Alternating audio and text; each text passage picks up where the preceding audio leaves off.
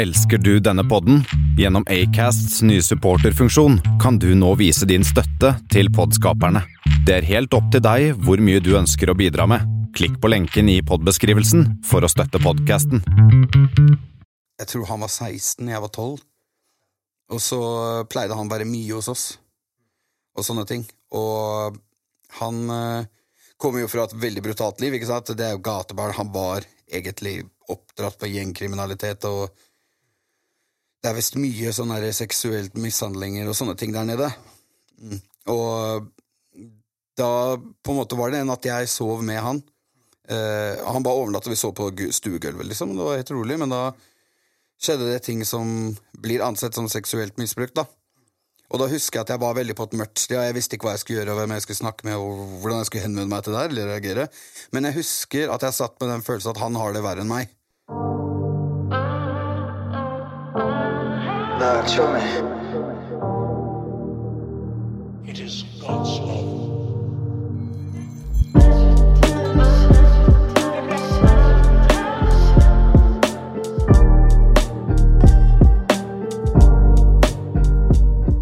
Kedegori, det går i, hva det går i.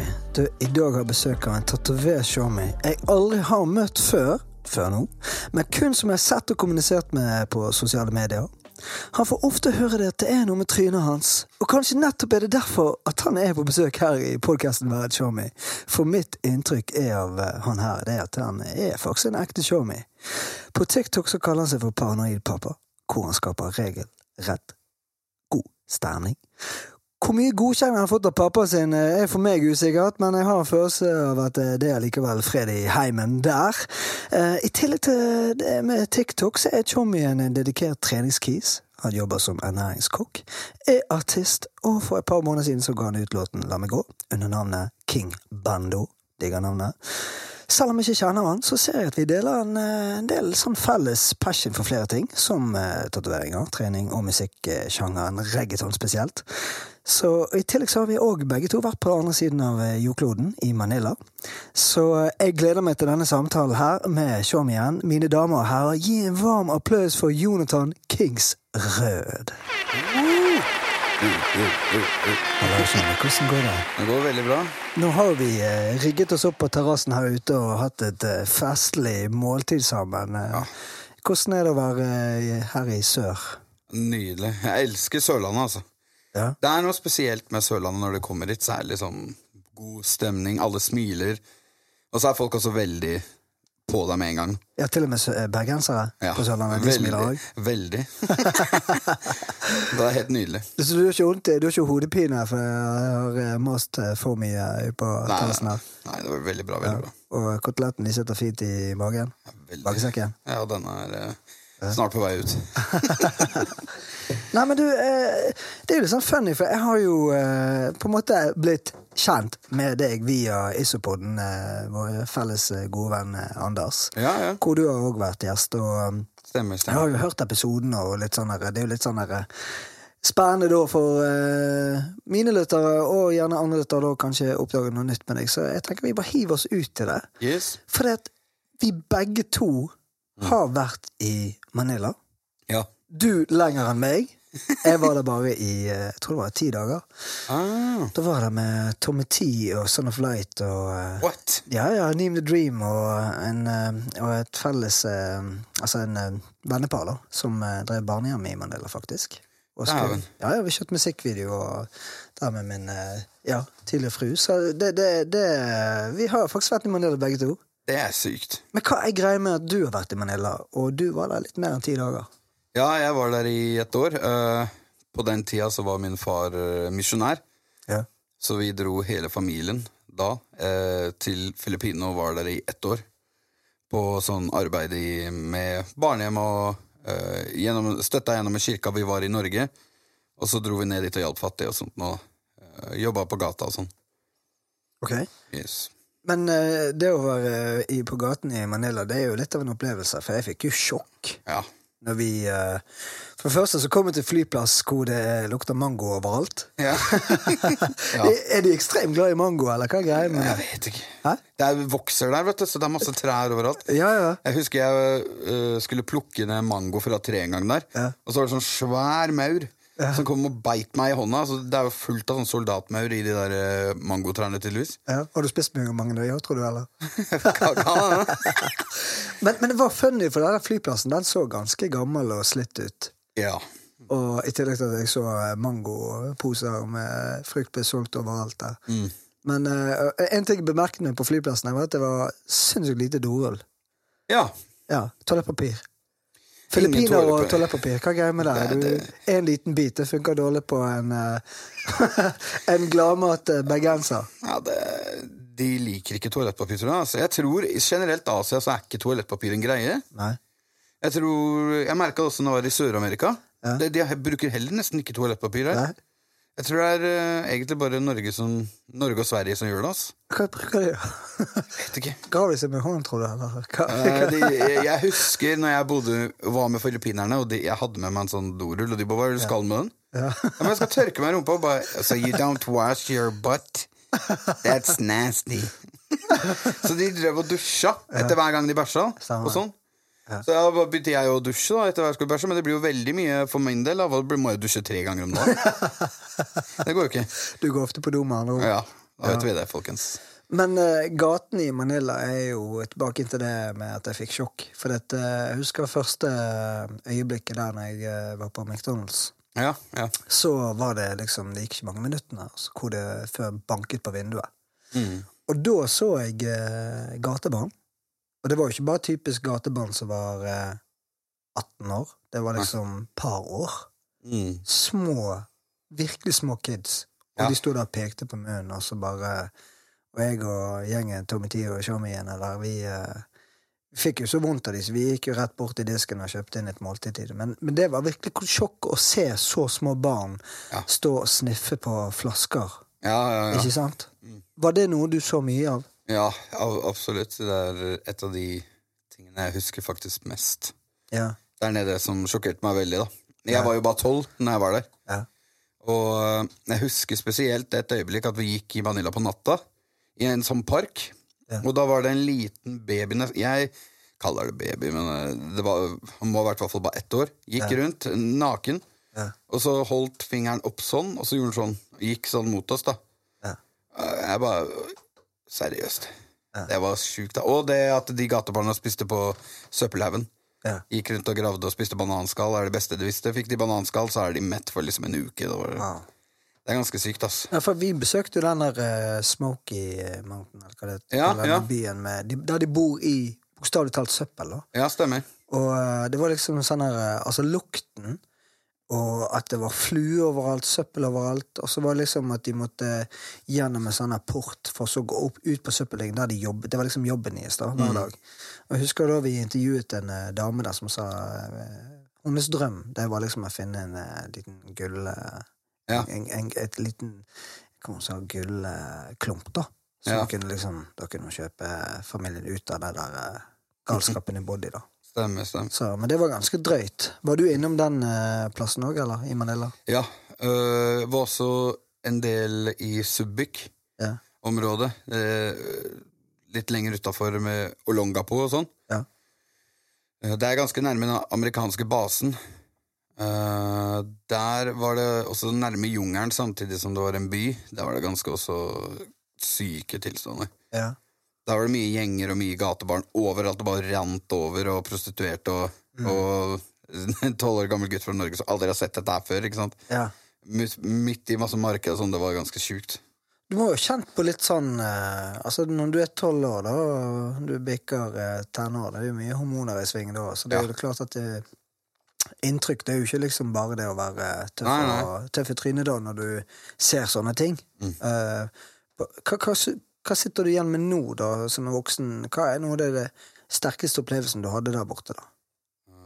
Mm, sterkeste opplevelsen mm, Det var vel mest det at uh, det, det var vel det stedet som lærte meg at uh, hvis det skjer noe skikkelig drit, eller skikkelig skikkelig møkk, da. Så det virker som folk der nede var lykkelige uansett, da. Ja.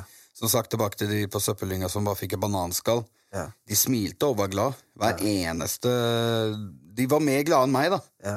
Jeg var jo sånn full av liksom bare «Å, Herregud, det, går ikke bra. Det, de må jo ha det helt forferdelig, ikke sant? Men de var ikke sånn. De var sykt happy og glade hele tida. Og det var ganske eh, inspirerende å se, da. At du kan finne glede i ingenting. Det er de gode på der nede. Og så er de veldig glad i musikk og sprengte høyttalere. ja, og karaoke. Og karaoke! Det er helt sykt, altså. Ja, på hvert eneste hjørne. Ja. Jeg aner ikke hvor mange ganger jeg hørte den der Titanic-sangen der nede. Var du med på karaoke, eller? Nei.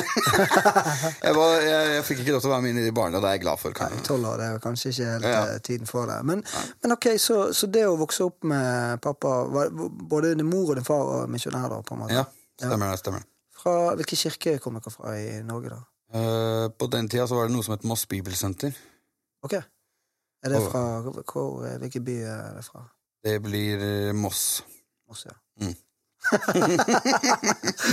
Bra spørsmål. Ja. Nei, men ja. Ja. Er det vanlig statlig, eller sånn uh... Nei, det er menighet, frimenighet, da. Ok, frimenighet, ja. ja. Men eh, Så det å ha en pappa og mamma som var aktive misjonærer og sånt, og Mm.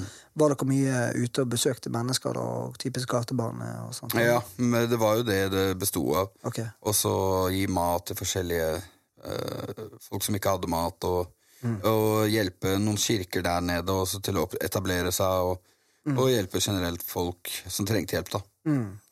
Mm. Men eh, hvilke verdier eh, kjenner du at det, det å være der et år, det gjør jo noe med en, da? Det er jo litt som du sa nå, at det, det å sette pris på små ting, Ja. ikke sant, som betyr mye. Er det noe du kjenner at du har tatt med deg i livet i dag?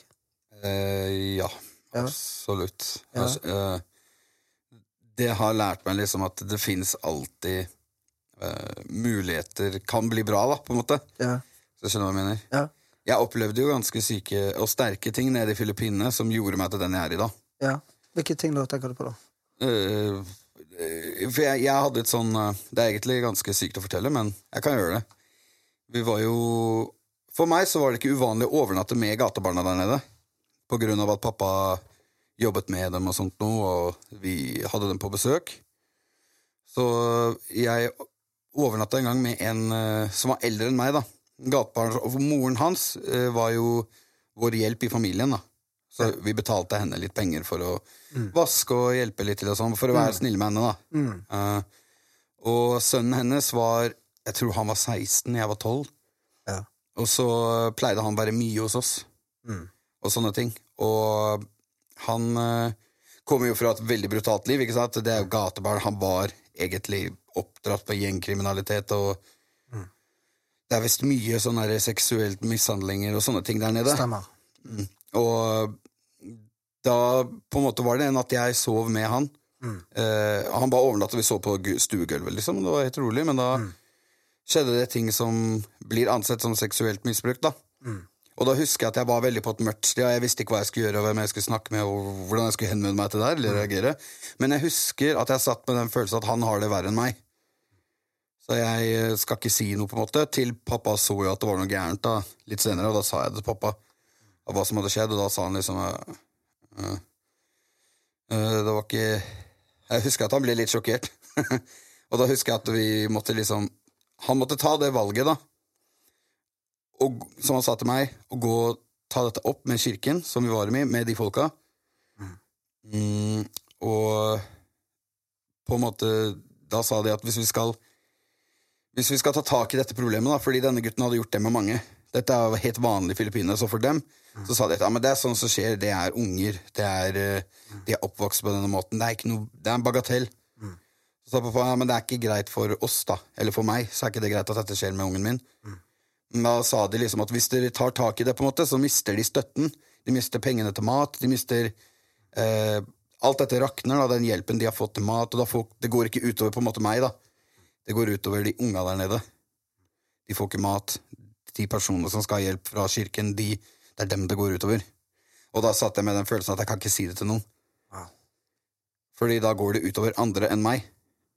Og da ble det veldig sånn at ok, det er tung kamel å svelge, men jeg måtte bare gjøre det i mange år etterpå. kom hjem fra Filippinene og sånn, så jeg snakket aldri om det. Jeg snakket aldri om det til noen, jeg, tror jeg. Før jeg ble sånn 18-19, kanskje. Hvem, hvem klarte du da å fortelle det til? jeg tror det var en av mine beste venner som bodde ved siden av meg. Når jeg var full, tror jeg. Ja, ikke sant? Ja. Men det må jo ha vært noe som Det å gå og bære på noe sånt, det gjør noe med en i hverdagen. Og kunne andre merke da at det var noe som plaget deg? Ja, ja, det vet jeg ikke. Jeg er veldig god til å skjule ting. Ja. Jeg kan ta veldig mye smerte og bare ta det med et smil og late som ingenting og presse det, presse det, presse det, presse det ned. Så fyller jeg det ut med å liksom være litt klovn ikke sant? og være litt morsom og sånn. Mm. Så det var ikke, jeg tror ikke det var så mange som skjønte det før jeg sa det, at det var en big deal. Hvor viktig tenker du da for, i forhold til det med å tørre å si det, at uh, du kan sitte her nå på podkasten og faktisk dele det? Det er jo uh, veldig respekt for at du gjør det, for det er jo klart at veldig mange andre som har gjerne, som du sier, man kan ta på seg lett en, en fasade og skjule ting, Ja, men det at flere som klarer å sette ord på ting, så vil jo det bidra til at andre òg klarer å slippe andre inn, ja, og ja. få jobbet med ting som eh, tyngre, da. Yes, yes. Så, så, så det å tørre å si det er jo ekstremt uh, viktig. Ja. Uh, men uh, det, når du da var der nede, hvordan klarte du da å Så du noe mer til den her gutten som eh, Nei, det ble, vi flytta på oss Ja. rett etter det, og det Ja. ble litt eh, Det ble litt avskjæringer og sånn fra den ene type vi hang med. Ja. Så hjalp vi heller noen andre til vi dro hjem, da. Okay. Så det gikk jo egentlig bra etter det, på en måte. ja. Men gjorde det, altså når man er tolv år, da, og det å klare å, å eh, tenke at du skal beskytte andre, det er jo veldig eh, Både sterkt, men, og, men man skal jo slippe å ta den, Ja, egentlig, ja. som en tolvåring. Mm. Vil du si at det preget og gjorde det eh, vanskelig for deg resten av oppholdet i Filippinene? ja, kanskje der og da. Ja. Nå Når jeg tenker tilbake etterpå, så tenker jeg bare liksom på det positive og Ja. uh, tingene jeg har lært, og det har gjort Ja. meg til en bedre person. ja, ikke sant? Uh, men uh, akkurat der og da var det kanskje litt tungt. Ja. Da var det. Fordi det var ingen som visste noe. Ja. Så det var jo nesten bare pappa jeg sa det til, ikke sant. Mm. Så, Og, og, men det å da være misjonærbarn, Mm. det er jo ikke bare bare det heller. nei. For det, det å, å skulle bli sett som et barn, anerkjent, mens du ser foreldrene gi mye til andre igjen mm. Har du opplevd å kjenne på at det blir litt sånn Føler at det blir litt sånn skjevfordeling der, eller har det, har det vært greit? Jeg tror ikke? Jeg tenkte ikke så mye over det, Nei. sånn der og da. Nei. Jeg syns det var litt mer kult. Ja. Det, at det, på, på en måte han var så snill, da. Mm. Samtidig som jeg selvfølgelig kunne kjenne på det ettertid. At liksom, selvfølgelig, kunne Da skjønner jeg ikke helt hvorfor han ikke liksom så meg alltid. Skjønner. Mm. Men eh, ja eh, Både ja og nei. Ja. Mm.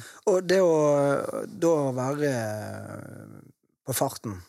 For det er jo litt eh, prisen når man er Ja. misjonærbarn. Du har jo flyttet ganske mye. Ja, ja. Hvor er andre plasser? Har du vært andre plasser i verden? Uh, nei. Da er det mest Norge jeg har flytta rundt i. Ok. Jeg bodde i Sverige òg, i Oppsala, men jeg, da var jeg så liten, jeg var to år eller noe sånt. Å ja. uh, så jeg bodde i Bergen, Sotra Sotra, faktisk. Ja, ja. Ja, Der har jo jeg eh, familie fra. Ja, ja, ja. Ja, ja. Moro. Bodde i en kirke i Sotra en gang, faktisk. En hel sommer. Ja. ja. Hvor hen er på Sotra? Husker du det? Nei, jeg husker ikke. Det var bare en menighet, gikk. Kanskje. Det var en menighet, fordi vi, vi hadde ikke rukket å finne en leilighet vi kunne leie i før Ja. vi kom. Ja. Uh, og da måtte vi bare sove der noen måneder til vi fikk leilighet i Bergen. da Wow.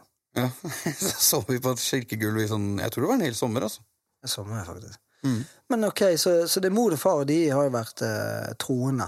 Ja. Er det noe som har preget din oppvekst òg? At du har eh, hatt det med delt den felles eh, verdien der, som de? Ja, ja, absolutt. Ja. Har jo det. Ja. Man får jo et visst sånn kompass, hva som er riktig, hva som er gærent. og Ja, sånne ting. Det gjør man. ja man gjør det. Mm. Vel, uh, Samtidig som det også Jeg har også litt sånn Mamma og pappa skilte seg, vet du, når jeg var uh, 14 Nei, 16. ok, Så bare noen få år etter dere kom Yes. ned fra Manila, egentlig? Mm. Ja. Og da begynte det ting å Da gikk vi litt vekk fra det kristenlivet som jeg er oppvokst med. Mm. At det er ikke lov til å høre på ukristen musikk, ikke lov til å se på ukristne filmer, ikke lov til å det og det og det, og den regelen ut ifra Bibelen og masse sånne ting. da. Mm. Uh, til å gå fra at alt det skal bli vaska bort, og at liksom jeg så pappa på en måte begynte å drikke igjen. ikke sant? Så for meg så ble jeg helt sånn snudd opp ned. Og da ble det litt sånn at det var en, også en tung kamel å svelge det at han som har lært meg hvor viktig det var for han Eller jeg så hvor viktig det var for dem, da. Og så snur de på det så lett. Og da ble det litt problem med meg å tro på Gud etter det. Men samtidig, i ettertid, så har jeg også skjønt at vi alle er mennesker, da. Og det er jo det som er litt uh, mm. er at liksom uh, Nå er jeg litt med på at jeg, jeg tror på det og sånt nå, men det er uh, Vi er alle mennesker, og vi alle sammen faller. Så vi må bare reise oss opp igjen. Preach. Yes. Det er helt sant. Og det der med Når du da flytter så mye og sånt, og det der å finne en uh, tilhørighet, da Mm. Hvor har du følt deg hjemme? I hiphop-verden. I musikkverdenen? Yes. Jeg husker jeg, vi flytta så mye at jeg følte at aldri noe sted var trygt, og aldri noe sted var hjemme. Ja. Alltid slite med det å føle meg trygg. Ja. Eller 'dette er hjem'. Jeg har alltid slitt med. Til jeg fant rapp. Og satt og hørte på det, og leste tekstene inni albumcoverne. Og var sona helt ut, og var inne i den verden og hørte på alle de tekstene og måten de forma sanger på, eller tegna livet, da, gjennom rapp. Forsvant jeg helt, altså. Hvor gammel var du da når du oppdaget den verdenen? Jeg er tolv. I Filippinene. For det var sånne der, uh, pirate-steder, vet du. Jeg fikk jo ikke lov til å kjøpe ukristen hjemme i Norge, så da når vi kom til Manila Filippinene, så var jo overalt. ikke sant? Jeg bare. Husker pappa knakk alle CD-ene når vi kom hjem til Norge. Ja. Ta, tenker du at tanken hans var god, eller var Ja, det sånn det var sikkert det. Ja. For det var jo, Når man tenker tilbake til rapptekstene og hører på Topak når man er tolv, og de er misjonærer Så han Sånn skal sies, han hadde jo noen eh, veldig gode låter som eh, Jeg snakket faktisk med han showmien på forrige episode, det her med Changes og Det Mama Ja. og sånt. Det var jo noen låter der som eh, var Brenda's Got a Baby og Ja, ikke minst. Men eh, ja, hva smuglet uh, Smuglet du uh, og smuglet inn CD-er Ja, jeg husker, husker til og med at jeg, i Norge så husker du at man kunne kjøpe sånne tapkassetter. Ja, ja. Satt jeg de CD-spilleren, gikk på radioen, venta på radioen med øreklokker. Ja. Og hørte 'der er det en bra sang', tok jeg på kassetten. og så Kom, ja. gikk jeg rundt med sånn full tapkassett av halvparten av sanger, rappsanger. Så jeg gikk vi på sånn Walkman og hørte. Ja. Eh, sånn det begynte. Og så rappa i speilet, og Mm. så balla det på seg etter hvert. Fikk jeg lyst til å skrive musikk sjøl. ja hvor, hvor lenge har du eh, drevet og skrevet og sånt? da? Kanskje siden jeg var Første jeg skrev, var vel da jeg var 14. Ja. til uh, Changes, faktisk av Topak. Fordi på singelen så var det en sånn instrumentalversjon. Ja. Og den hørte jeg på mens jeg skrev ned på et ark. da Prøvde å få det til å passe. Og bare søppel. Husker huske hva teksten handlet om, da? Nei. Jeg tror ikke det var bra i det hele tatt. Altså. Bare masse sporadiske ting av rim og Nei, det var ikke bra. Ja. Men, eh, men det jo når du da eh, bor der, og du sier at musikken ble på en måte en, eh, der du kjente det hjemme Ja, En tilflukt, på en måte. Ja, Fikk du litt andre showmier som delte samme Mm. Ja, det gjorde jeg. Ja. Ja. Ja, i Bergen? I hvert fall i Bergen. Ja. I Bergen var eh, Det var vel der jeg fant hiphop skikkelig, i 9. klasse. Okay. Ungdomsskolen. Ja. Hvilke folk eh, fra Bergen kunne du høre på, da? Uh. Eh, som er bergenske rappere. Mm. Da var jo spetakkel veldig inne, husker jeg. Det var populært på den tida, men jeg hørte kanskje ikke så mye på de. Jeg hørte på Jeg har jo hatt en eh, fra Sotra som gjest her. Acron. Husker du han? Ja, Acron, ja, ja, ja, ja. Vet du hva? Nå skal jeg si noe veldig morsomt. Akron okay. Han hadde jeg kontakt med på King Size. Hadde du det? Ja, når jeg drev med King Size på videregående. Ja, ja, Så ja. snakka jeg fram og tilbake med Akron. ja. Og han var så alltid koselig og hørte alltid på sangene mine. Og jeg hørte alltid på sangene hans, og vi sendte fram og tilbake. Og Ja. Han hadde en venn som hadde dødd eller noe sånt en gang. Mm. Og da husker jeg at eh, jeg ville at han skulle sjekke ut en sang jeg hadde lagd til en kompis òg. Mm. Og han bare 'Jeg klarer det ikke. Den er for smertefull for meg å høre på'. Mm. Jeg ba, ok. Men han, han åssen går det med han nå? Nei, han er fun fact. Han bor rett oppi høyet her. Nei. Jo, jo. Eller rett oppi høyet, sier jeg, da, men det er 45 minutter. Nei, ok. men på Evje, da. Så, så han er Men jeg husker jo, han hadde jo den låten 'Gateliv'. Ja, stemmer. stemmer. Så den, er- det er jo en sånn låt jeg, jeg husker den traff meg veldig, da. Mm. Men eh, jo, det går fint med han. Han, eh, han eh, styrer på med DJ-ing og litt eh, produsering og Wow. Ja, så funnet seg en sørlandsbabe. Rett og slett her på Sørlandet. Nice. Så uh, nei, bergensere vi er klimaflyktninger. Vi vet. Ja, ja, ja. Stikker til Sørlandet. Slipper både regn og finne kjærligheten. Nice. Det er det som er tingen. Yep. Men ok, så i Bergen, hvor lenge bodde dere der, da? Eh, fjerde klasse. Ja. Når jeg gikk på barneskolen, bodde jeg der i ett og et halvt år. Ja. Uh, og så har jeg bodd i Bergen før jeg gikk på skolen. Da gikk pappa og mamma på bibelskolen på Levende Ord. Nei, li, jeg var levende, jo, Jo, Levende jo. Ord. Hvilket år sa du? Åssen blir det? Mm. Høres ut som de- jeg er haugammel. Ja, når de gikk på Levende Hvor gammel er du, Tjommi, egentlig? Pappa? Du? Og jeg er 32. 32, ja. Bare ungfole. Ja. Så yeah. oh. Jeg husker jeg var fem år Ja, ok. når mamma og pappa gikk på bi- bibelskole i Levende Ord. Det er, jo noen, noen år siden, da. Ja. Slutten av 90-tallet, kanskje? Ja. Blir det kanskje? Ja, Det var det. før uh, Enevold sluttet der, og ja, stemmer. ting raknet litt der oppe. Mm. Han Men, de var i menigheten når en Flåten var der. Ja, ja, ja. Ja, jeg husker at sønnen til en Flåten, han gikk i niende klasse når jeg gikk i fjerde. Oh, ja, okay. Ja. Det, kan du huske om det var en god tid for deg? Nei, den, den tida i fjerde klasse i Bergen, da ble det veldig mye mobbing, for da var det mye mobbing på den der skolen. Elev Nord. Oh. Akkurat det året. På skolen der, faktisk? Yes. Wow. Og hardcore. Da var det sånn at de stengte lærerne inne på do. Eh, De dynka hverandre i sånn Det er første gang jeg lærte hva buksevann var. Over Bergen. På Elevenor? Ja. På, på skolen? Yes. Shit, altså. ja, det var sykt. Ja, Det var nytt for meg å høre. Ja. Wow. Men ok, så du eh, fikk gjennomgå det? ja. ja. Og også spesielt at jeg kom fra Østlandet og snakka annen dialekt, og at jeg likte annerledes musikk. Off, det gikk hardt. Det gjorde det? Ja. Wow. Men når jeg kom tilbake i niende klasse, Ja. helt annerledes. Helt annerledes, ja. Da var jeg plutselig den kule fyren som likte hiphop og rap, og plutselig fikk jeg jenter. Og jeg bare wow. Og så selvfølgelig, så, og så fikk jeg vite en jente fra klassen jeg syntes var så fin. Ja. Så fikk jeg vite hun liker deg, vet du. Jeg bare, what? Og da skal jeg kjøre på, ikke sant? Og så kommer pappa inn i stua, husker jeg, bak oasen. Så kommer han inn i blokkleiligheten, og så sier han nå skal vi flytte. Nei, pappa, kom inn. Nå har jeg akkurat fått vite at hun er. Liker meg, vær så snill, da. Ja, sånn er det, Jontan. Var det far veldig konsekvent når han ga deg beskjeder? Ja. At sånn er det bare? Sånn er det bare. Var det lite rom for å prate rundt ting? Ja. Ok. Det er jo ikke bare bare. Nei. For da, da kan jo man fort eh, bli til at man sitter inne med en del ting, da. Som man skulle fått snakket om. Ja, ja, ja. Så eh, er, er det mye av grunnen til at man skal eh, da eh, Vi skal linke det litt inn til denne den her eh, TikTok-kanalen. Ja. Hvor du uh, sjøl har gitt deg tittel 'Paranoid pappa'. Ja, ja, ja. Ja. det, er, det er jo litt etter historier av pappa. Det er jo det, altså. Absolutt. Ja. Han er, det har alltid vært sånn derre eh, Han har jo opplevd mye i livet, for han var jo sjømann. ja. Når han var 14, da dro han ut og jobba på båt hele livet. ikke sant? Og Ja. drekket og kjørt på. Ja. Til han fikk oss, da. Ungene da bytta på bibelskolen og sånn. ja. Så han har jo opplevd mye, ikke sant? Så han er veldig sånn konsekvent på hva som kanskje går gærent. Og For eksempel hvis vi sa um, Ja, vi skal uh, Vi skal uh, til Polen. Klassetur. Han bare «Ja, Polen, ja. Må du passe på, for du vet at eh, der borte på Pol polakkerne de drikker ikke som norske i det hele tatt. Der er det, du, må passe på at du er 16 år gammel. Da, ble det sånn med en gang. Jeg fikk ikke lov til å dra til Polen. jeg. Nei. Har du vært i Polen fra eh, Nei. nå, da? Nei. du skal, skal du til Polen? Jeg må kanskje prøve det en gang, da. Det er ikke så gale priser på å reise ned, i hvert fall. Nei, det er sant. Ja. ja. Altså, pappa har alltid vært sånn, og så har alltid funnet det verste ut av alle situasjoner hvis jeg skulle noe. Ja.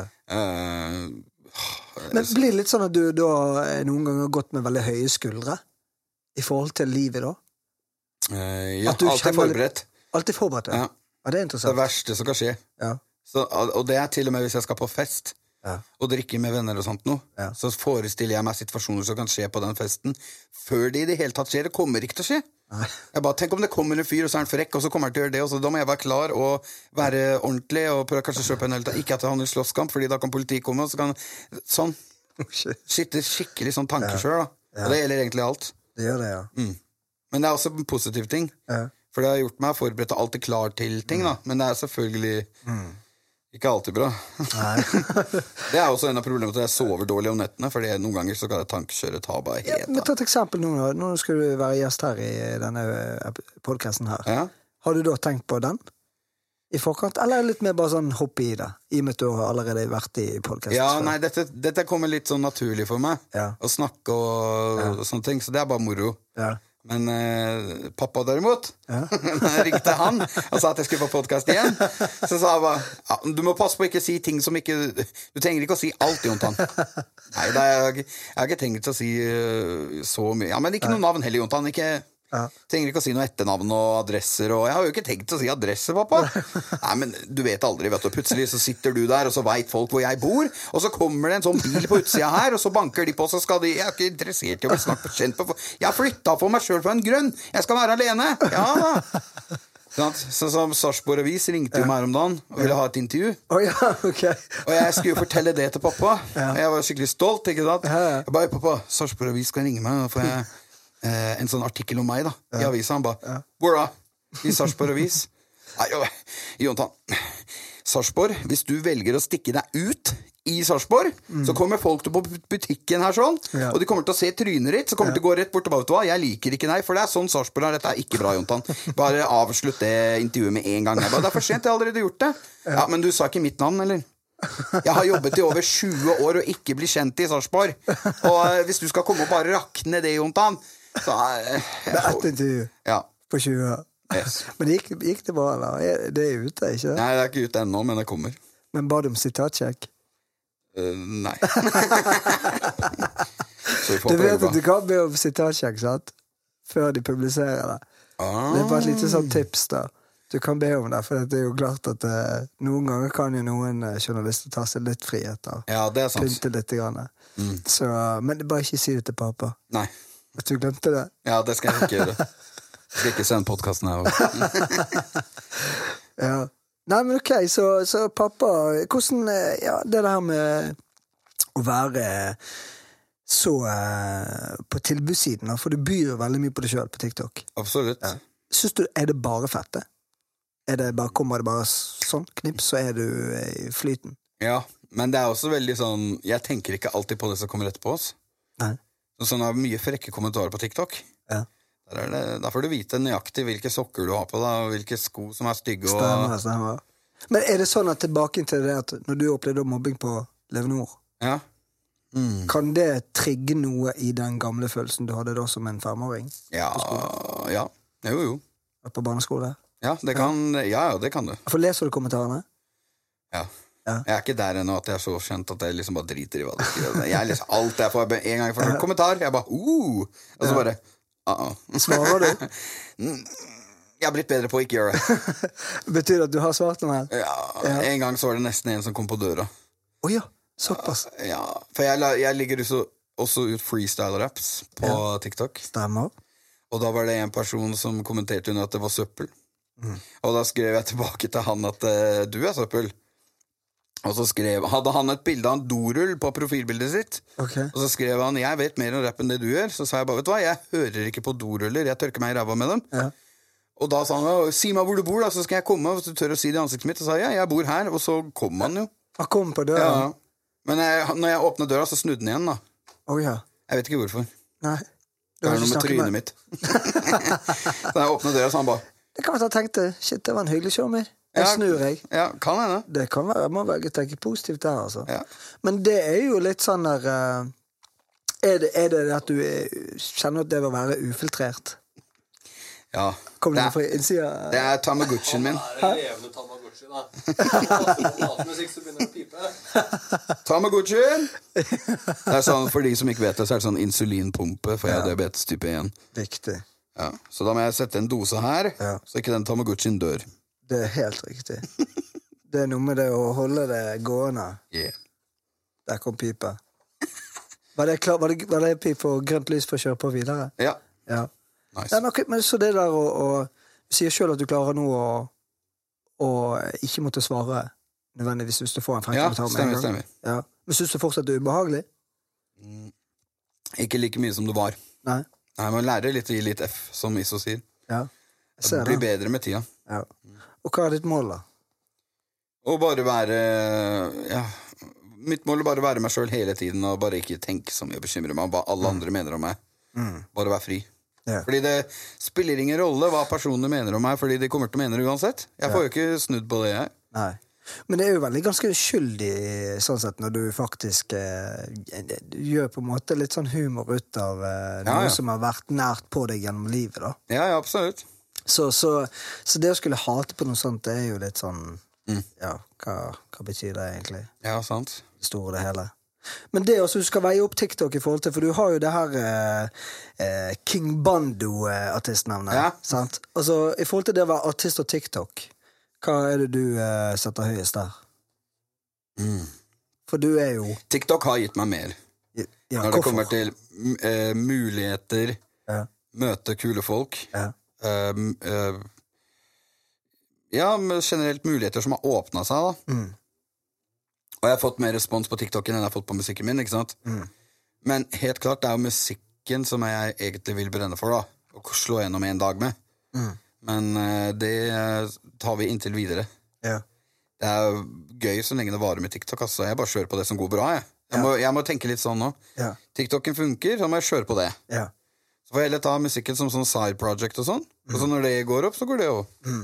Bruker jeg TikTok til å spre musikken min innimellom. For det, eh, det var jo det jeg syntes var fett, eh, med tanke på at jeg ikke har møtt deg før, men jeg så vi hadde felles eh, passion for reggaeton. Ja, ja, ja. Ja. Og da tenker jeg, du har jo Du er jo ikke akkurat singel. Nei, jeg er gift. Du er faktisk gift mann. yes. Ja. Hvor lenge siden du ble gift, da? Fem år siden.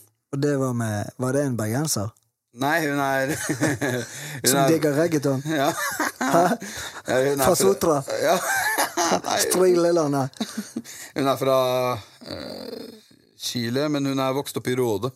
I Råde? Yes. Ikke det der uh, reggen uh, Nei, ikke Råde. Hvor er det henne, da? Ja, det er ikke så langt ifra, nei. Ja, det er ikke så langt fra deg. nei. Det er litt rag-miljø i Råde òg. Ja, det er det. Det er det. Ja, jeg ble litt usikker. Men Det er er vel, bondelandet. men det er vel litt sånn i Sarpsborg òg? Ja.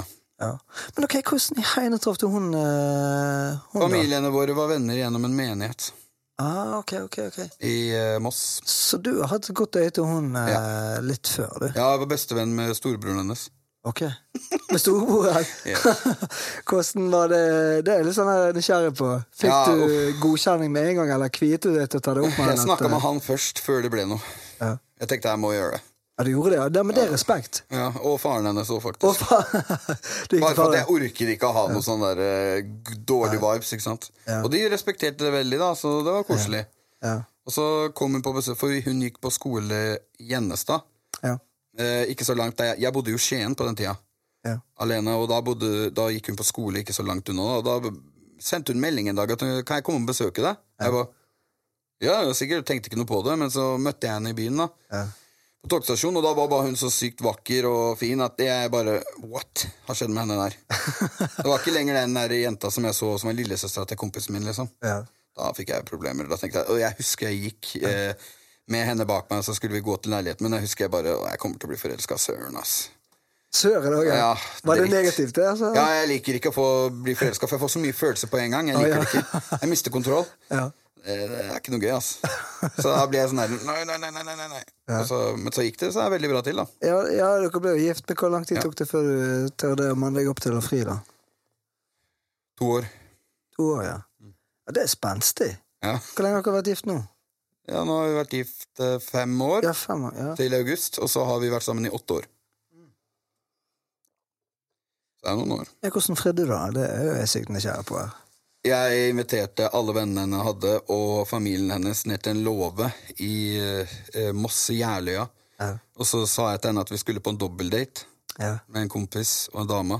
Ja. Så kjørte vi ned dit, og så sa jeg at henne måtte ha på seg noe fint. Og så vi venta hele familien og alle inne på den låven, og så hadde de pynta. Og, og så fridde jeg der nede inne, da. ja, Hadde du rosen i kjeften og rett ned på kne, da? Eller? Ja, jeg gikk rett ned på kne med rose og ring og alt mulig, og det var skikkelig Å, herlighet. Var det amore? Ja. Hæ? Begynte å hylgrine.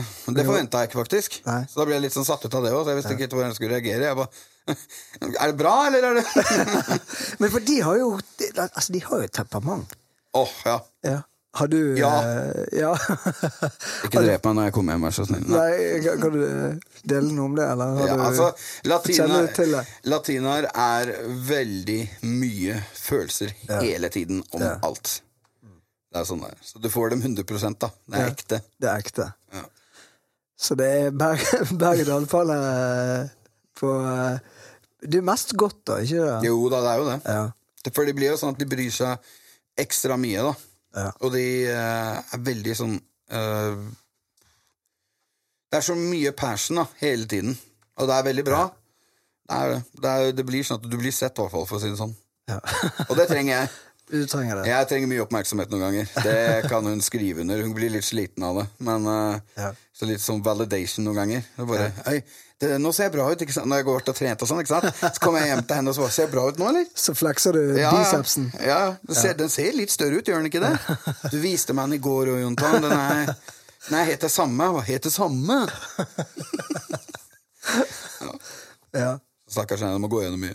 Ja, ja, men eh, det er derfor man har hverandre. Man kan utfylle hverandre. da Ja, sant. Men eh, ok, så er det hun som introduserte deg for reggaeton? Nei, det begynte jeg med. Jeg elsket rapp så mye at jeg begynte, når jeg fikk først tilgang til internett, så søkte jeg opp alle slags språk. Alle slags nasjoner.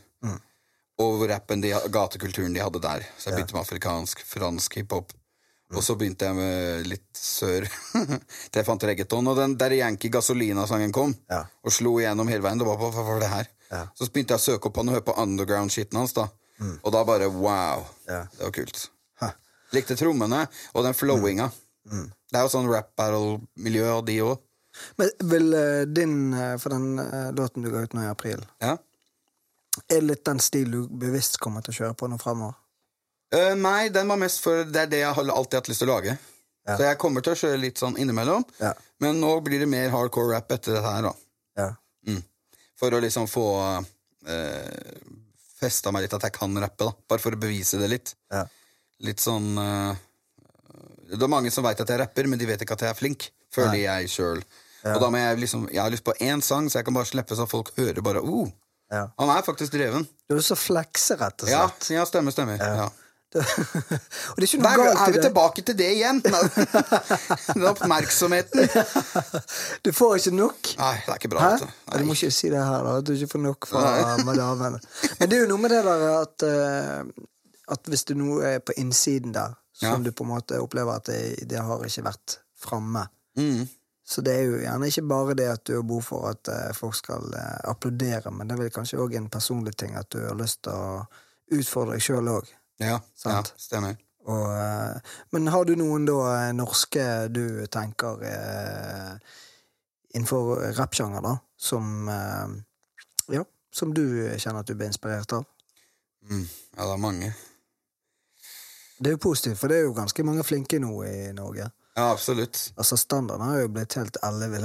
Ja. Hvis du skal tenke tilbake til Kingsize-tiden, da. Ja, ja, ja. sant? Det er jo en vanvittig utvikling fram til nå. Absolutt. Med flow-messig og Ja, ja, lyrics nå er helt sinnssykt høyt nivå. Ja, Eh, hvis vi tenker på ordentlig rap, da. ja. Du skal si fem stykker, da. Fem stykker, ok. Jeg synes topp i Norge nå er kanskje Lars Ivelli når det kommer til flow og lyrics. Ja, ja, ja. Og treffe hardt da og snakke til meg. Altså, jeg, ser, jeg ser bildet når han rapper. ja. Men han, han, han er så god på bare å, å si det så enkelt, men samtidig med stil, og eh, Ja. det er liksom så gjennomført. da Det er så genuint, og du bare merker at det er Han er Yes. rap, han. Ja, det er sant. Ja. Og så er jeg selvfølgelig Onkel P, Ja. for jeg har alltid fulgt med på han, eh, og han er flink og når han setter i gang. 100 Ja, og så er det Skal vi se en til, da. Vi må ha Jeg har lyst til å si så mange. Altså, det er, eh, Josef av Madcon. Mm. Når han rapper. Og eh, uansett om han er på et gjestevær, så slakter han alle. Det blir litt sånn Han flekser hele tiden, føler jeg, da, uten å høre det. Det er liksom sånn uh, maskingevær når han rapper. Med innlevelse, da. Ja. uh, og så er det uh, skal jeg si noe morsomt. Nå er jeg spent. Får vi noen bergenser på den listen der? Ja, det er akkurat det jeg tenker på. Sånn. uh, ja, Kamelen liker jeg. Ja. Han er ka, kanskje ikke så teknisk, men han rapper på en måte også som er sånn Veldig enkelt, men han, hitter, han treffer når han rapper. da Liker det. Ja. Men, men han har jo på en måte hele pakken nå, da. Ja, Sant? Han er jo bare Hele han er jo en han er rappestjerne. ja, kul uh, karakter. Ja. Var det fire, eller var det fem? Jeg tror det var fire. Det var bare fire? Ja, jeg tror det var fire. Du må finne okay. fram en til. Altså, så Ja, ikke ok. sitte unna. Mm.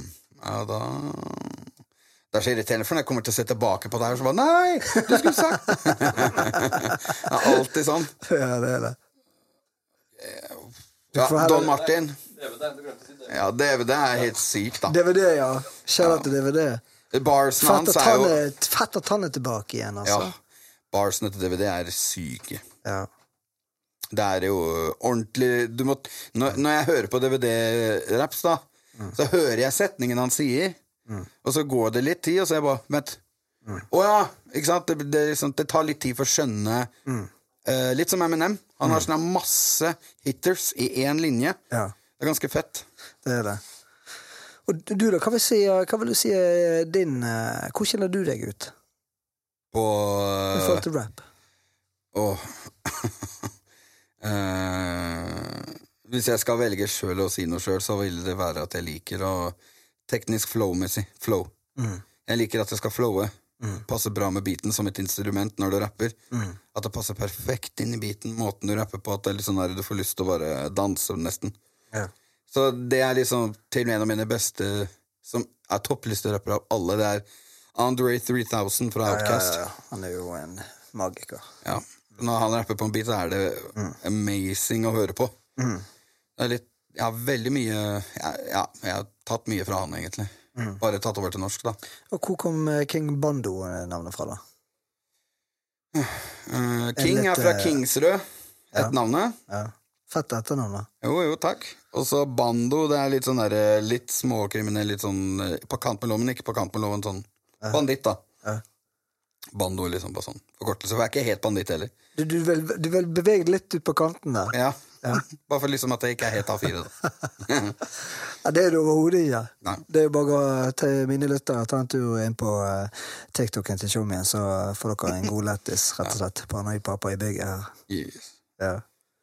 Men ok, men hva er målsetningen for musikken nå, da? Uff. Det er vel kanskje få en eh, sang som slår gjennom litt i rappegamet, i hvert fall. da. Ja. Så at jeg blir anerkjent av andre rappere. Ja. På en sånn måte at alle veit 'Å, han, ja'. ja. han er fet. Sånn bare. Du har i hvert fall eh, nailet uh, artistnavnet. Da tenker jeg King Ja. Bando er jo klassenavn. Ja, det er kult, det. Ja, det er det. Det fenger. Jeg, prøv, jeg prøvde masse greier. Jeg er nesten som P. Didi. Jeg har forandra det tusen ganger. Ja, hva, hva er det kleineste navnet du har hatt? Eller? Åh. uh, Joni Key. Joni Key? Ja, det var en gang jeg prøvde. Det var bare dritt. Okay. For jeg kom på at Joni Key det er for mye som kan rime på det i dissing. Oh, ja. Så hvis noen har beef med meg, da, så kan du bare Det blir for rart. Så allerede der har du tenkt noen nivåer Ja, ja. lenger fram der, noen steg Ja. der fram i tid. Det verste som kan skje. Var det paranoid pappa som tok over der, eller? Ja, det kan hende. Ja. kommer fram, snikende fram, ass. Ja. Jeg er litt redd for når jeg får unger enn da, at jeg blir sånn sjøl. okay. Og du må passe på han å, ga, naboen, vet du. Ikke gå til å leke i hagen hans, fordi at han er helt gæren og han kommer til Kan hende det skjer, ass. Ja. Har dere planer om å Er du klar for å etablere deg skikkelig nå etter steget opp med for eh, kids og sånt? Da? Ja, etter hvert. Etter hvert, ja. Ja. Når vi har fått litt inn eh, økonomien og Ja. alt på plass som skal være plass for barn, Ja. Så kjører jeg på som søren. Men du jobber jo nå som eh, ernæringskokk i tillegg til å være aktiv med TikTok og litt av musikken og sånt. Eh, Hvordan er den hverdagen der? For der eh, ser du en del skjebner og sånt på sykehuset der. Absolutt. Der er det veldig mye. Jobber også i psykiatrien mye. I tillegg? Ja. Okay. Så der ser jeg også syke ting. Mm. Men det er, det er bra. Det er litt sånn der du ser hvordan hvor um, For der er det alt mulig mennesker. Ja. Det er ikke mye som skal til før du havner liksom der, da. ja. Så man ser liksom den. Hvordan tenker du, Når du sier det det, det er fort gjort at man kan havne der, Mm. hva legger du i det? At det er ikke mye som skal til før du hele livet ditt kan flippe helt på huet. Har du Og- sjøl vært der noen ganger hvor du har tenkt at nå er det like før at nå er det, Ja. nå er det mørkt? Absolutt. Ja. Kan du ta et eksempel på det? Uh, jeg har en del I familien min så er det veldig uh, Mine søsken og sånn, og mine, spesielt mine brødre, har slitt mye med rus og kriminalitet og sånt noe. Så jeg har vokst opp i det. Og da har jeg noen ganger tenkt at det har vært så mye inntrykk på meg med forskjellige folk og med Mm. mye kriminalitet og sånne ting, at det er lett å ta den snarveien. Ja. Og bare når du sitter liksom på fest med de gutta, og Mm. de sier bare 'Hvorfor begynner du ikke å jobbe hos meg?' ja.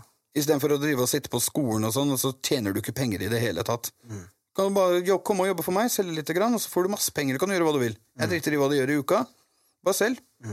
Og da blir det sånn her, mm, nesten fristende, og så kommer det det tunge partiet hvor det kommer til at det er eh, mye rus og alkoholisme i familien min. ja. At jeg kjenner på den noen ganger kanskje at uh, det er ganske lett å falle på den vogna at det hadde vært deilig å slappe litt av. Og at det kan bli litt mye noen ganger.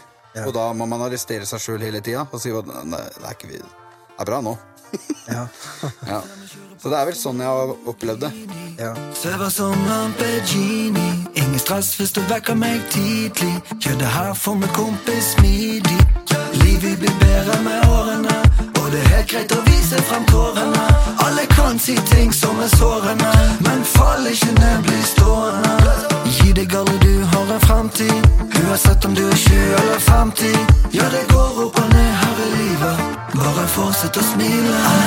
Know Det går opp og ned. Det går opp og ned Men er, er det litt sånn òg at eh, For dette, jeg hørte jo på podden at du nevnte det om eh, Du har jo en bror som du er ekstremt glad i, og som eh, Ja. Har eh, ja, nylig kommet ut av jail. Og Ja. Hva betyr familie for deg? Og når du da ser at de du er glad i, har det vanskelig, hva gjør, hva gjør det med deg, eh, Jonathan? ja, si det. Det mister litt mye nattesøvn av det, da. Ja. Ja. Er du mye bekymret? Ja. Var det jo for, for masse før. Mm. Da, det kan jeg huske. Øh, og den tanken at jeg ville at de skulle ha det bra. Mm. Og føle på det jeg følte, at liksom, du kan velge å ha det bra hvis du vil. Mm.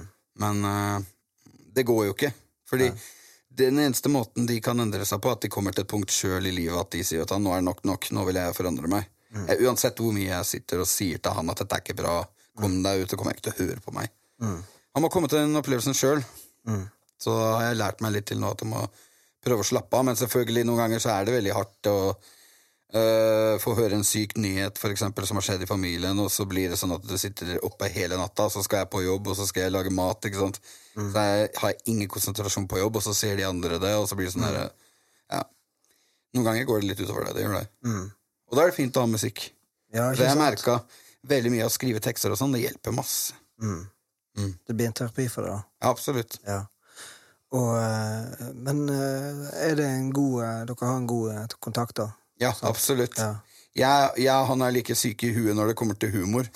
Så jeg han har sånn humor. Vi kan ringe hverandre bare, eller bare se på hverandre hvis vi møtes, og så vet vi akkurat hva den andre personen tenker. Ja. Vi hadde jo et problem før, vet du. Ja. Begravelser eller bryllup. Hvis det var sånne familiebegivenheter. Mm. Ja. Og han satt i nærheten av meg, og han kunne bare gi meg et blikk, liksom. Og jeg gir han et blikk, så fikk vi latterkrampe, så måtte vi nesten gå ut av begravelsen. Ja, det er ganske feil å la deg ikke i begravelse. Ja, det var, helt, det for meg? det var helt forferdelig. Jeg husker spesielt en gang. Det var en prest som kom opp. Ja. Han snakket som Han hadde veldig lys stemme, da. Ja, okay. Og broren min satt helt foran. Ja. Og eh, jeg satt litt bak, og så var jeg trøtt ikke sant? og prøvde å følge med, og det var trist og Ja. seriøst. Og så kommer han presten og bare Vi er en grønn menighet. Det betyr at vi tenker på miljøet. Så det er fint om at alle er på veien ut. Og mens han driver og snakker sånn, så snur broren min seg sånn her til meg og bare Sånn, ikke sant, og ser på meg, for han, jeg visste nøyaktig hva han tenkte. da At bare, hva er dette her for noe, liksom? Og da knakk vi begge to. Åh, Det var connection da. ja, det, også, det var et barnedåp en gang òg, kusina mi som skulle bli døpt. og Det, da, der kom en sånn syk tanke i huet mitt. ikke sant? Jeg forestilte meg at han presten mista henne nede i det vannet, og han bare opp, ikke sant, den ungen. Og så sa jeg det til han, og så begynte vi å le. Da, da, da gikk det ikke å stoppe. Åh, sånn, Men det er jo litt sånn du, du, Jeg tenker du er litt unnskyldt med tanke på ADHD. Ja. Det er jo ikke alltid like lett å begrense de der eh, tankene som flyr her og der. Noen av de kameratene mine hater å snakke med meg. Ja. Så sånn når vi, skal, de, vi, skulle, vi skulle snakke om lønn eller et eller annet sånn en gang. Ja. Jeg hadde ikke sett dem på en stund, og så sto vi alle sammen i ring og prata, og så ser jeg ut vinduet mens de snakker. Og de bare 'Ja, Jon Tann, du, du har begynt å jobbe sånn nå, hva syns du om. Så ser jeg ut vinduet, og så bare «Du, Dere kunne egentlig hatt en trampoline her i hagen, dere. Det er masse plass i hagen deres. ha en trampoline akkurat der. Og så sier han det kameraten min hva, Vent, bare stopp. Hvor kommer dette fra? Vi er her og snakker om lønn, og så kommer du fram med trampoline i hagen. Jeg, jeg, jeg vet ikke, jeg bare fikk ideen i hodet. Måtte, Men du, hvor flink er du til å fullføre prosjekter, da? Uh. Er du god? Hvis, jeg, er, hvis jeg liker det sjøl, Ja. sånn som sanger og sånn, og ting jeg blir gira på, da fullfører jeg det. ja. Men jeg får jo mange hundre ideer i løpet av en dag. Eller sånn at du har gjerne 20 ting på to do-listen, og så Ja. får du gjort to? Yes. Ja. Husker også, også, når jeg var liten, så pleide jeg å skru fra hverandre ting for å se hvordan de funka inni. Skrudde jeg det aldri tilbake. Det husker jeg. Ja. Ødela flere sånne kassettspillere og BHS-er og Ja. Ble pappa fornøyd, da? Ja, da da Men okay, litt tilbake til det. Litt nysgjerrig på det. Du sier at du eh, jobber på psykiatrien. Ja. Eh, og sånn eh, gjennom litt denne samtalen så får jeg inntrykk av at du har jo et eh, genuint eh, eh, ønske om å, å hjelpe Ja, andre. absolutt, og du, du, du bryr deg om andre, da. Og litt sånn den, tilbake til den der og, eh, episoden i Filippinene, at du, du beskytter andre. Men Mm. i det er du flink til å ta vare på deg sjøl. Mm. Ja, det kan, gå, det, det kan gå litt ned noen ganger. Avvik. det, Litt avvik på den ja. der. Noen ganger har det vært det. Tenk liksom på andre, på, det- inkludert min kone. Jeg kan noen ganger tenke på hva som er best for henne hele tiden. Så stopper en og bremser litt, og så sier en ja, men hva med deg? Ja. Hva vil du? Ja. Jeg bare, hva jeg vil? liksom. Ja. Samme det. Jeg tenkte bare liksom bare Nei, du må tenke på deg òg. Det blir litt sånn noen ganger. Yeah. Og uh, i psykiatrien også, så er jo han minste lillebroren min Han har jo vært i psykose og vært innlagt i, på psykiatrisk i hvert fall seks år på grunn av rusrelatert psykose. Ah. Og eh, han jeg vet ikke, Det kommer jo sikkert til å gå bra en dag. Han har først ikke kommet helt ut, da. Og da har jeg sett liksom det på psykiatrien at liksom, det er også normale folk. Det er derfor jeg sier at liksom, det er ikke så lang vei dit. Nei. Fordi eh, det som skjedde der, var at han likte å ruse seg litt og røyke hasj hver eneste dag. Og Så tok han litt sopp og sånt noe i tillegg, og så satt han bare hjemme på dataen, så pang, så smalt det. Og da har ikke han landa ennå, liksom. Så det, det kan skje med alle. Har du prøvd sjøl eh, litt rus, da? Ja, ja, masse. Ja. Det har jeg. Men jeg har alltid vært veldig sterk, da. Sånn er at liksom, jeg, jeg går ikke så hardt til eh, Ja. Jeg har holdt meg unna veldig sterke ting, det har jeg. ja. Jeg har røyka mye weed og sånt nå. Mm. Det har jeg gjort. Og så har jeg prøvd amfetamin. Det er det sterkeste jeg har prøvd. Mm. Sånn. Hva tenker du var det For det er jo en grunn for at folk eh, ruser seg, sant? For Ja. at, eh, det er fett. Der Ja, det er jo, det er en tilflukt, da, føler jeg. Ja. Det er sånn som eh, Man får jo ro i huet. Så er det et men der. Mm. Hva tenker du, og hva har du opplevd sjøl, eh, nedturen med det? Og konsekvensene med det? Du tenker ikke på Du tenker ikke på konsekvenser der og da, det som kan skje. Du prioriterer å få den pausen. Ja. Du prioriterer å få det derre at eh, nå skal jeg bare slappe av litt, grann, og bare autopilot. Ja. Deilig å ta litt eh, weed og liksom bare endelig få de tankene har holdt kjeft, ikke sant? Ja. Og så blir det sånn Ja, men når det går ut, da, så blir du nesten helt desperat Ja. for å få tak i igjen. Mm. Og, og, og så baller det på seg. Det går fint en liten stund, og så går det sånn til slutt Jeg må ha det når jeg skal uh, gå ut for å handle butikken. Mm. Jeg må ha det når jeg skal Å, jeg skal jobbintervju i morgen. Da må jeg ta litt av nervene. Jeg må, og jeg skal på, på fest. Jeg må gjøre det litt, for ikke jeg kommer helt edru på festen. Uh, jeg må gjøre det sånn at jeg er klar med en gang. Så blir det til slutt sånn at du gjør det hele tiden. Uh, første prioriteten er å få det. Første prioriteten er å få tak i det. Og så blir siste prioriteten bare alt det som skjer etterpå. Regninger, jeg drit i det. Betale leia, det kan vente en måned. Jeg må ha Ikke sant? Og der har du vært. Ikke helt, men eh, jeg, ser, jeg har sett at det kan fort bli sånn, da. Ja. Jeg har heldigvis vært der med overtenkingen. Ja. Med paranoid pappa-greiene. Jeg har vært litt der sånn at nå holder det, Jontan, nå må du skjerpe deg. Ja. Sånn har jeg vært veldig med drikking og alkohol også. Jeg tar det aldri til det ekstreme, da. Eller mye. Jeg gjør det bare litt grann innimellom. Har litt sånn brems på det. Men jeg, du Ja. men jeg, men jeg drikker ikke lite når jeg drikker. Men, men, eh, men, men det er bare det at jeg øh, kjenner liksom Jeg kan ikke gjøre det hver helg. Nei. Det går ikke. Er det fordi at det trigger noe eh, negativt inni der hos deg? Mm. Eller er det, har det litt med familien din å gjøre? Jeg har kanskje litt med familien å gjøre, Til å et eksempel. for de andre, selv om jeg ikke er det. De kunne jo sikkert ikke drite i hva jeg har gjort, liksom. Men jeg, jeg føler at liksom, hvem er jeg? Ja. Hvis jeg ikke klarer det sjøl, og så har jeg kjefta på dem og vært irritert på dem og sagt at de skal slutte, og, Ja. og så er jeg ikke noe bedre sjøl. Nei, det er litt den der eh, 'practice what you preach'. Mm. Det, men den tror jeg de fleste av oss mennesker Den er jo vanvittig vanskelig og utfordrende å leve opp til. Ja. Men så er jo det der at man eh, Ja, så lenge man prøver å ikke gi seg, så er jo det det som det, er det, det handler om. Ja. Å løfte hverandre opp. Og hva tenker du i forhold til det med, eh, til det med psykisk helse, og i og med at du jobber i psykiatrien og bryr deg om andre mennesker, at eh, det der eh, å tørre å, å snakke om ting som er vanskelig Syns du sjøl at det er vanskelig? ja, jeg kan forstå at det er vanskelig noen ganger, da. Ja. Selv med om det rappkjefta og ADHD ja. ja, fordi at jeg, jeg innbiller meg sjøl at andre ikke vil høre på det. ja. At liksom Hvis jeg har det tøft, da, eller kjipt, og jeg vil snakke om det med noen, så innbiller jeg meg sjøl bare Hvorfor skal han gidde å sitte og høre på? Det er At pappa, jeg pappa der igjen. Ja, ja. Hvorfor skal han bry seg om jeg har det tøft akkurat nå? Ja. Han har masse ting å tenke på sjøl. Ja. Sånn tenker jeg. Så det er litt sånn, Og det er jo litt den mannlige Norge, typisk norsk, da.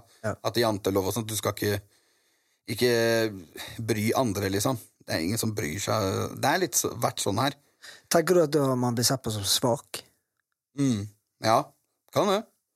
Fordi da viser vi kanskje en side av oss selv som er sårbar.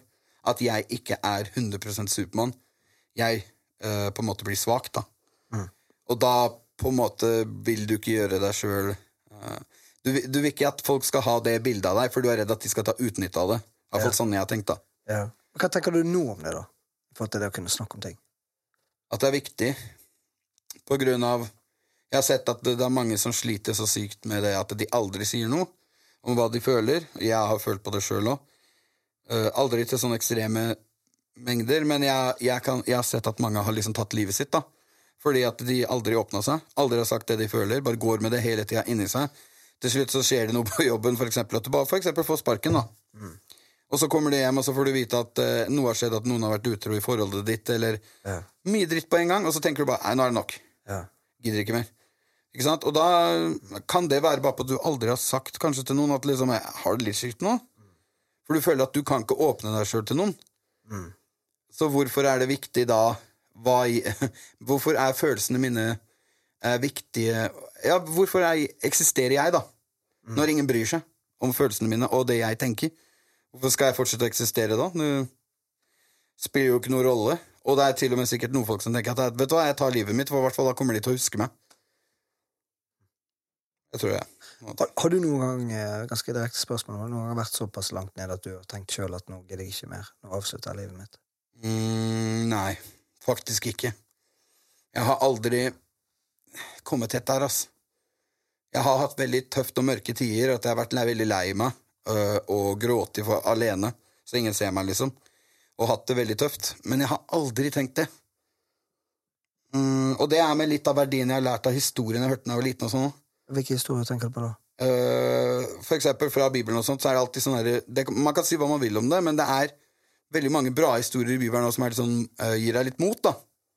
For eksempel med Nå tar jeg et eksempel med David og Goliat, da. Mm. Yes. Eh, at David var en gutt på en brødreflokk, da. Mm. Bare krigere. Eh, alle brødrene hans var krigere, liksom, og de var jo krigende med han svære Goliat-kjempen og sånn, ikke sant? Ja. Og, skulle, og så kommer liksom Gud ned, og så velger han David isteden, som er en gjeter. Pass på sauene. Ja. Så sier Gud liksom jeg vil, ha, 'Jeg vil at du skal gå til Goliat og utfordre han'. Ja. Så, meg, Hvorfor tar du ikke noen av de sterke brødrene mine isteden? De er jo krigere. Du kan jo ta dem. Og så nei, jeg vil ha deg. Fordi du vet hvordan du skal kontrollere sauene. Du er en hyrde.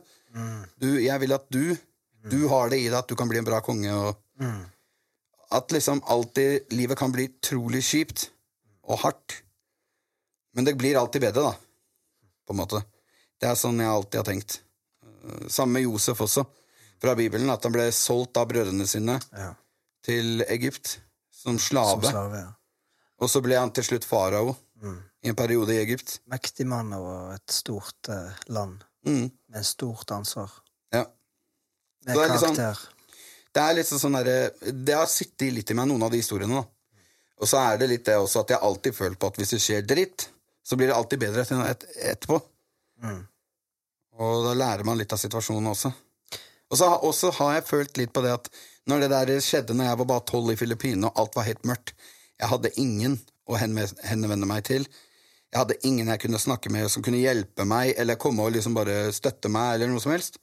Så ble jeg på en måte tvunget til å tenke at det kommer til å gå bra, da. Ja. Og da etterpå så har ting ikke vært så hardt. Det har ikke alltid vært bra, det heller, da, men, men det er liksom Det har hjulpet meg mye, da. Så da var det liksom det med troen som styrket litt der, da. Ja, og at litt det at eh, det, kommer gå, det kommer til å gå bra til slutt uansett. Det gjør det alltid. Sola må jo opp uansett, om det er natt. Opp og nikke. Ja. Det er veldig sant det du sier der. Det er liksom, eh, Jeg hørte noe veldig bra her. Eh, Du, Det jeg liker med Instagram, at av og til dukker det opp et bra sånne reels hvor du får en motivation, motivation Ja, ja, ja. quotes og en og det andre. Folk kan si hva de vil om de er lei av quotes, men jeg tenker litt eh, Hvorfor ikke fòre seg med noe positivitet? Positive ja. ord. Det er jo fra ord til handling, fra tro til forvandling. Det er det som skaper noe og gjør noe med oss mennesker. Og, og det var litt det der med at eh, Som du sier, da, og så opplever du noe kjipt i dag. Ok, så er det 24 timer. Et døgn. I morgen et døgn. Mm. I morgen står sola opp, som de sier. En ny sjanse, en ny mulighet. Det var ganske det var sterkt å høre på. Fint at du eh, delte det der. Og, og, eh, og, og hvor mye nå eh, Vil du si at den troen preger deg nå, da? ja den preger meg fortsatt dag til dag. Ja. Syns du det er vanskelig i dagens samfunn å kunne kjenne at det er noen er det bare sånn du vil bare ha det for deg sjøl, eller er litt sånn at du savner at eh, kanskje han Har du folk du kan dele troen med? For å stille heller det spørsmålet. Mm, ja, jeg har det. Ja. Og så er det litt sånn at eh, jeg har aldri vært redd for å uh, si hva jeg mener og tror på, og eh, tror at det kommer til å gå fint og sånne ting, da. ja. Jeg har aldri vært, uh, hatt noe problem med å gjøre. Eh, det er mange som har blitt veldig sånn På meg, da. Sånn her, at liksom, du har jo opplevd akkurat det problemet, det verste med kristne. da At de kan utnytte deg for penger, seksuelt, alt mulig. Og så likevel så gidder du å liksom henge med dem og det der. Så sier jeg ja, jeg skjønner det, men vi er mennesker alle sammen. Og det er alltid en som utnytter et eller annet. ja. Og så er det mennesker Ja. som gjør det. Ja. Det er ikke nødvendigvis den guden vi tror på. ja Det er vi det, mennesker det, som har det frie valget. Stemmer det. Det er liksom Du kan ikke du kan ikke liksom, Bare fordi en pastor står på en scene og sier at eh, enkelte ting, og så gjør han motsatt, ikke sant? eller det går til helvete, da, så kan man liksom ikke Da kan ikke du skylde på hele den greia. Man må liksom prøve å tenke litt rundt det. Samme som alle sier at muslim, alle muslimer er det og det og det. ikke sant? Ja, ja, ja. Det er jo ikke sånn. Nei. Det er jo bare én person kanskje som har gjort noe, Ja. og så blir det blåst opp. Ja. Som, det er som alle mennesker. Det er derfor alle sikkert tror at alle rappere er kriminelle. Fordi det er noen av dem som skiller seg ut. ikke sant? Ja, ja, ja, klart og det er jo de som blir kjente, og da tenker jo alle som leser avisen bare, at det der er bare søppel. ikke sant? Men det er jo som regel de som er de ekte koselige menneskene som fins. Og, og eh, Jeg fikk bare lyst på å stille det spørsmålet, da. Ok, Jonathan, hva er det du vil bli husket for i dette livet? Eh, som eh, en eh, som hjalp andre, da. Som de husker meg at jeg har gitt dem noe. Uh, på en måte. At jeg har vært der vært, vært et verk, verktøy for noen andre. Og hjelpe dem bli bedre til enten seg selv, eller bare vært til hjelp for noen. da Fått noen til å smile, eller Det er derfor jeg liker også Paranoid pappa-greiene, for å få folk til å le. Jeg har fått masse, masse Dette jeg glemte å si i stad. Ja. Jeg har fått masse meldinger og videoer av gutter som har nesten tatt livet sitt. Det har jeg glemt å si, men eh, en fyr sendte meg en video av at han viste meg til og med løkka. Han hadde hengt opp et tau og sa at jeg skulle henge meg sjøl. Eh, og så så jeg en av de videoene dine, og så begynte jeg å bla nedover og begynte å le istedenfor å grine. Ja. Wow. Og så tenkte jeg litt Livet er ikke så ille. Jeg må bare skjerpe meg, liksom. Fordi han tenkte på at han en dag kanskje kunne bli pappa. På grunn av videoen. Og da sa, sendte han meg en takkemelding på video da, at liksom, der henger løkka. Jeg har ikke tatt den ned ennå, for jeg ville vise at jeg var på vei til å gjøre det. Jeg har også fått masse meldinger av gutter som sliter med rus og vil slutte, men de har ikke sagt det til noen. Men de føler at det er blitt mye kokain i helgen og sånn, fordi det er blitt veldig vanlig nå å ta kokain på byen. Det er sykt mye, og de klarer ikke å komme seg helt ut av det. Og så sa jeg bare du må bare ta én dag om gangen og prøve å roe ned én dag om gangen, og så går det bra og sånn. Og da har jeg fått melding etterpå at eh, takk for meldingene, og takk for det du har gjort, da. Mm. Så da får jeg meg enda mer lyst til å lage paranoide pappa-videoer. ja, ja og, og da litt tilbake til det der når du da får en eh, negativ kommentar. Ja, Så er det litt sånn her at da velger jo du da, gjør ikke du det, at du da tenker du heller på de der tilbakemeldingene der. For det er jo sterkt. Ja, sant det. det er jo snakk om liv. Faktisk være med å påvirke til å faktisk eh, sette det på spissen. da. Redde Ja. et menneskets liv. Mm. Hvor stort er ikke det? Jo, det er stort. Det, har jeg, det, det er det du sier nå. Det, det, jeg har ikke tenkt på det sånn egentlig før. At jeg bør heller tenke på det, da. Enn de negative som skriver 'så stygge bukser', da. Ja. Ja. ja. ja. Det er jo ganske sykt, egentlig. Og eh, jeg eh, ville òg ta en annen ting. Du har jo delt litt om det, da. Men uh, det med Altså, du har jo opplevd en del ting sånn jeg uh, tenker da i forhold til okay, det du opplevde i Filippinene med, med uh, en gutt som forgrep seg, og du har opplevd mobbing på barneskolen, du har flyttet mye, det er jo ikke bare bare det. Og, og, men så har du òg levd med en tøff Altså det å leve med diabetes type 1, ikke det? det Jo, stemmer, stemmer. ja. Det er jo ikke bare bare det heller. Nei. Og det har jo ført til at du har bokstavelig talt sett døden i øynene noen ganger. Ja. ja. Hvordan har den hverdagen vært for deg å leve med diabetes, da? Det har vært det, I begynnelsen var det tøft. Mye ut og inn av sykehus hele tida. Ja. Jeg fikk jo det når jeg kom tilbake fra Filippinene. Ja. Når jeg ble 13. Tror du der pappa ble paranoid? Da ble jeg paranoid. Da, da, skulle, da skulle dere sett, da. Ja. Han måtte jo vekke meg på natten og ta blodsukker i fingrene mine. vet du Ja, ikke sant? Og han har sikkert masse tvangstanker, sånn, så han vekka meg sånn åtte ganger om natten mm. tut, tut, for at jeg ikke skal få føling. Og, så, Det er forståelig på en måte hvis da han har vært veldig mye bekymret og redd for deg, da, tenker jeg. Mm.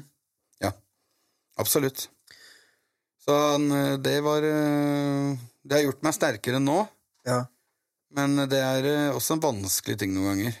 Ja. For eksempel det å være gira til å gå på treningssenter og trene. ikke sant? Så kommer du til treningssenteret og så bare viser blodsukkeret. Nå, fem, fire blodsukker. Mm. Det blir ikke noe trening da. Da må jeg spise isteden. Få blodsukkeret til å gå opp. Hvor lenge må du vente, da, typisk? La oss si du kommer til gymmet, og så er blodsukkeret kjempelavt. Ja, 40 minutter. Okay. Det er jo ikke lett å planlegge hverdagen din, da. Nei. Hvis du, altså det fungerer, For du jobber 100 Det er vanskelig. For da, blir det, da må jeg tenke på det med å spise nok. Passe på blodsukkeret hele tiden. Ja. Stress får blodsukkeret ned. Ja. Stress får blodsukkeret opp. Ja. Eh, det hjelper veldig mye med sånn pumpe, da. Ja. For nå, du, du er i vater når du sitter her nå, sant? Ja, absolutt. Den pumpa hjelper mye, altså. Ja. Da liksom tar den seg av. Den gir alarmer hvis det blir for høyt. Gir alarmer hvis det blir for lavt. Den omregulerer selv. Okay. Veldig behagelig. Ja. Jeg satt jo bare sprøyter før, oh, ja. og, det var, og da tok jeg ikke blodsukker noen ganger engang. Kunne gå fire dager uten at jeg i det hele tatt hadde tatt et blodsukker. Bare satt masse medisin, for jeg tenkte eh, det der er en Red Bull. ikke sant? Jeg veit hvor mange enheter jeg skal sette til den, så satt jeg bare det. Og så. Ja. Men da eh, Igjen, det der fungerer i hverdagen. For det er jo litt sånn her at eh, folk kan jo da, hvis du da er helt ute og sykler, blir du oppfattet som at du er beruset, og nesten. Mm. Ja, ja, ja. Har det ført til noen kjipe episoder? Ja, det var en gang jeg har opplevd eksempel med alkohol. da. Alkohol får blodsukkeret til å gå ned. Så det er mange diabetikere som tar eksempel mye drikker med sukker. Og så tenker de nå må jeg sette mye medisin, fordi det er mye sukker i Og da går blodsukkeret bare svut, rett ned i kjelleren, og så får de føling. Så tror folk at de er bare fulle, ikke sant? Ja. Så blir de sendt inn på glattcella, så dør de Ja. på glattcellen. Ja. Kanskje. Jeg oppvåknet selv i en sykebil en gang. Fordi at jeg hadde drukket absint hele kvelden. Og så hadde jeg Jeg var så full at jeg, jeg glemte at jeg hadde satt langtidsmedisinen min. Ja. Så jeg satte den en gang til, og så gikk jeg og la meg. Ja. Og da fikk jeg dobbel dose, ikke sant? så da gikk jeg rett i koma og lå skumma i munnen og måtte ringe sykebilen. Og prøvde, alle prøvde å hjelpe meg å få i meg sukker, men jeg dytta vekk alle. Ja. Jeg husker ingenting av det her. Jeg våkna i sykebil bare. det var noen andre som ringte, for du var Ja. jo ikke i stand til å Nei, nei, nei, jeg var helt borte. Jeg husker det ikke. Så faren er ganske stor, da, hvis en, eh, du da er aleine ute på natten der, og så ligger du plutselig her i grøften. Mm, Det er ganske scary. det er det. Men jeg føler at du har ganske god kontroll på det nå. Ja, helt noe annet. Men er litt sånn jeg tenker jo at uh, sant, jeg har ikke en sånn type sykdom. Man tar jo veldig fort ting for gitt. Ja, jeg gjør det. Har det å At det at du må gå med den der pumpen der, Mm. og hele tiden følge med. Sant? Det er jo litt den der tilbake til den med å være paranoid og Ja, ja, ja. Sant? Du er på vakt, da. Hele tiden. Veldig sliten Ja. Noen ganger. Men klarer du likevel da å kjenne at du har humøret oppe? Ja, det virker det, litt sånn. da. ja, det kommer hele tida, Ja. uansett. Og det er kanskje litt av oppveksten, men ja. det, det er alltid morsomt uansett. Jeg vil si at du er en sterk eh, Du er en kriger. Du er det. Jeg liker å tro det, i hvert fall. Ja, men det, det tenker jeg ut ifra alt det du deler. og sånt, at det jo, står veldig respekt av, for det er liksom Det å gå gjennom livet, Mm. og når man har litt uh, utfordringer med det, det er ikke bare bare. Nei. Så jeg har jo sett sjøl på nært hold at hvordan eksempel det å leve med en uh, kronisk sykdom Så altså Damen hun har jo òg diabetes type 1. Ja. Og, og det er jo ikke bare bare det. Nei. Plutselig bare våkner på natten, og så har du ja, Mm. sterk føling. Og, Og, og i tillegg da det at jeg kanskje våkner opp, og så må jeg på jobb. ja. Og så er jeg ja, dausliten. Ja. Og så blir det sånn, du, jeg kan ikke ringe sjefen min og si at ja, jeg hadde føling i natt, så jeg, jeg har jobba i hele natt. jeg. Så jeg kan ikke komme på jobb. ikke sant? Jeg går jo på jobb for deg. Ja. Og noen dager så har jeg vært så sliten psykisk av denne sykdommen og alle tankene og alt maset og alt det negative at jeg bare får lyst til å bare være hjemme og se på Netflix. Ja. ja, men det, det er jo forståelig, da. Ja. Det er jo det. Du, Tjommi, jeg har lyst til å bare da, ha noe på slutten med sånn faste spørsmål. Yes, uh, nice. Du har jo egentlig sagt veldig klart og tydelig at du tror på Gud. Mm. Det, Jeg tror at det må være et eller annet som styrer over oss, som ikke vi veit hva er for noe. Altså, det må det være. Sånn er det bare. Det er så mye syke ting som skjer i den verden som plutselig som er sånn meant to be, da, som er sånn der ut av vår kontroll. Det bare, ja. Ja, det er bare sånn det er. Men er det, det å være en troende, betyr det at du òg går i menigheter eller går i kirken, du og din kone òg? Eh, vi har gjort det, men vi gjør det ikke så mye nå lenger. Nei. Litt fordi at det er, det er vanskelig å finne en, et sted der de virkelig mener det de sier, da. Ja.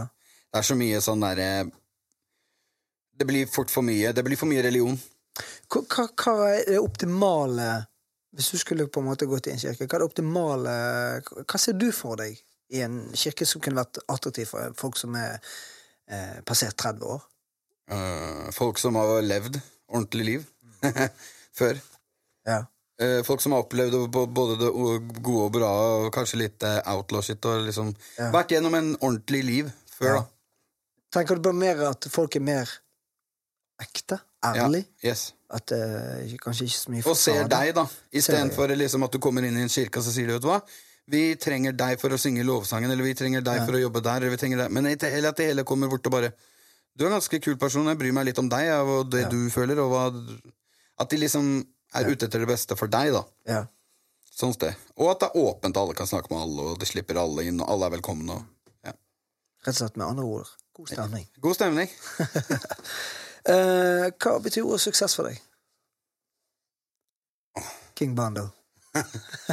Suksess.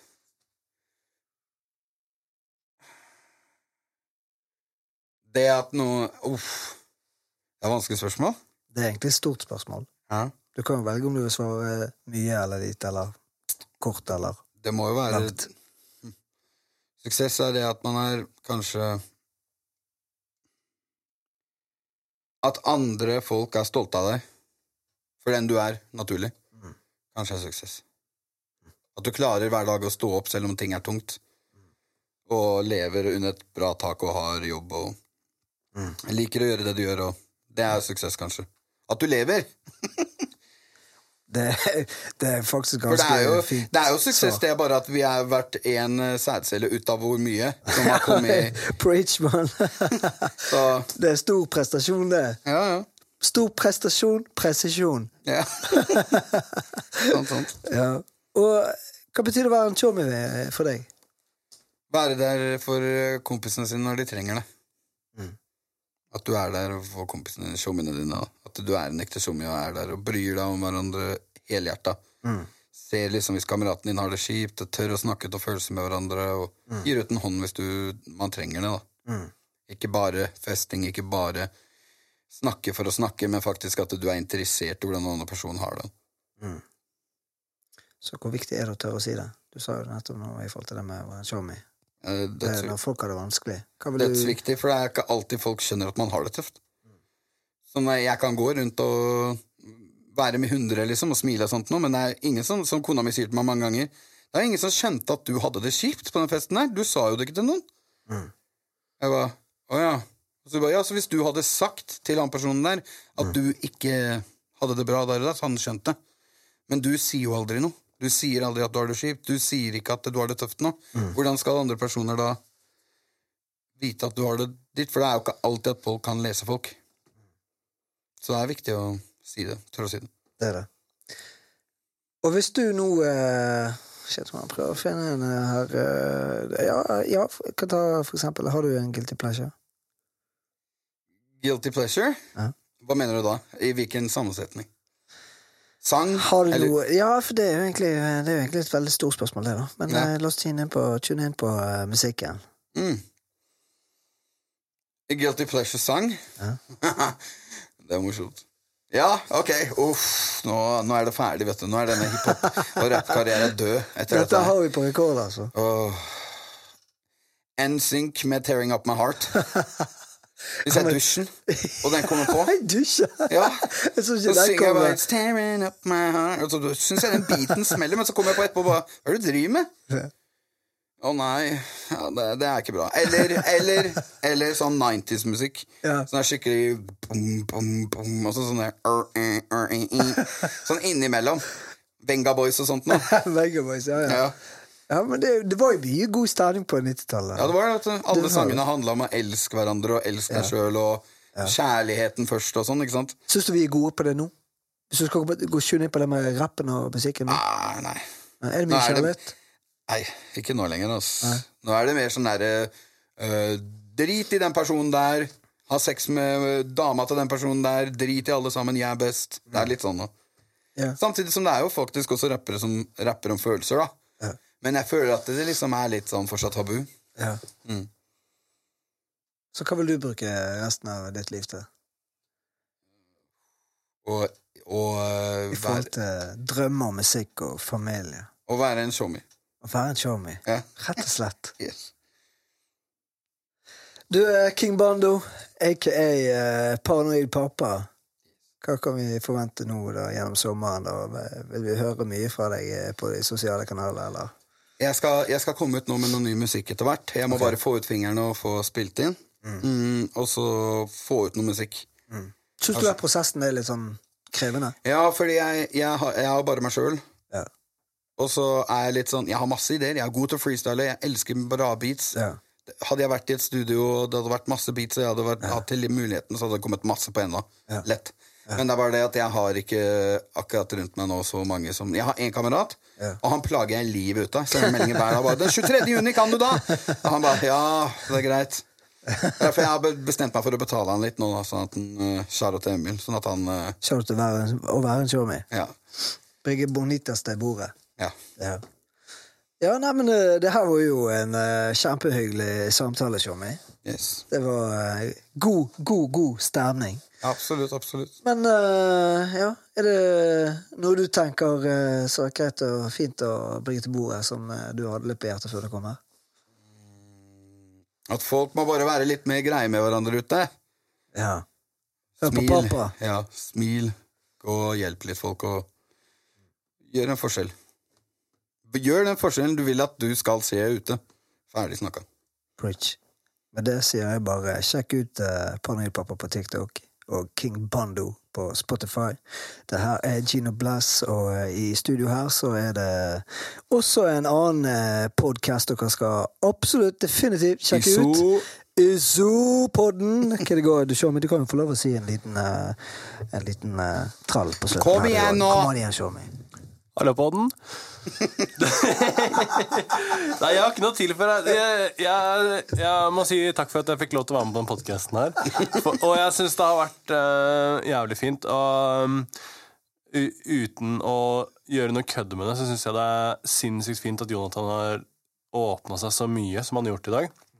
Fordi at det er så mange mennesker som på en måte um, har vært i mye av de samme situasjonene, eller som har på en måte rus- og alkoholproblemer i familie, kriminalitet i familie, som har opplevd misbruk, som har vært med på alle mulige sånne situasjoner.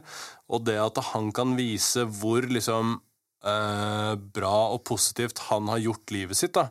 han har tatt et valg, at det som har skjedd med han, skal ikke definere hvem han er. Han skal definere hvem han er. Og jeg syns det er jævlig inspirerende. Jeg synes det er jævlig kult å se hva han gjør med det. Hva han gjør med liksom den eh, humorprofilen sin. Hvordan han velger å liksom portrettere det. Og jeg syns det er kult at jeg kan få lov til å være med litt på eh, reisen. Nice. Takk for meg. Wow. Damn. Det, det var fine ord som jeg kan bare signere. Men eh, 100% Det er full beundring og respekt, og du er jo en kriger, som jeg sa. Det er David med Goliat. Så eh, ikke bare har han store biceps, men har et stort hjerte, folkens. Så King Bando in the house sier tusen takk, gracias, hasta luesta, hasta mañana, vi tytes, show me. Takk for meg. Adios.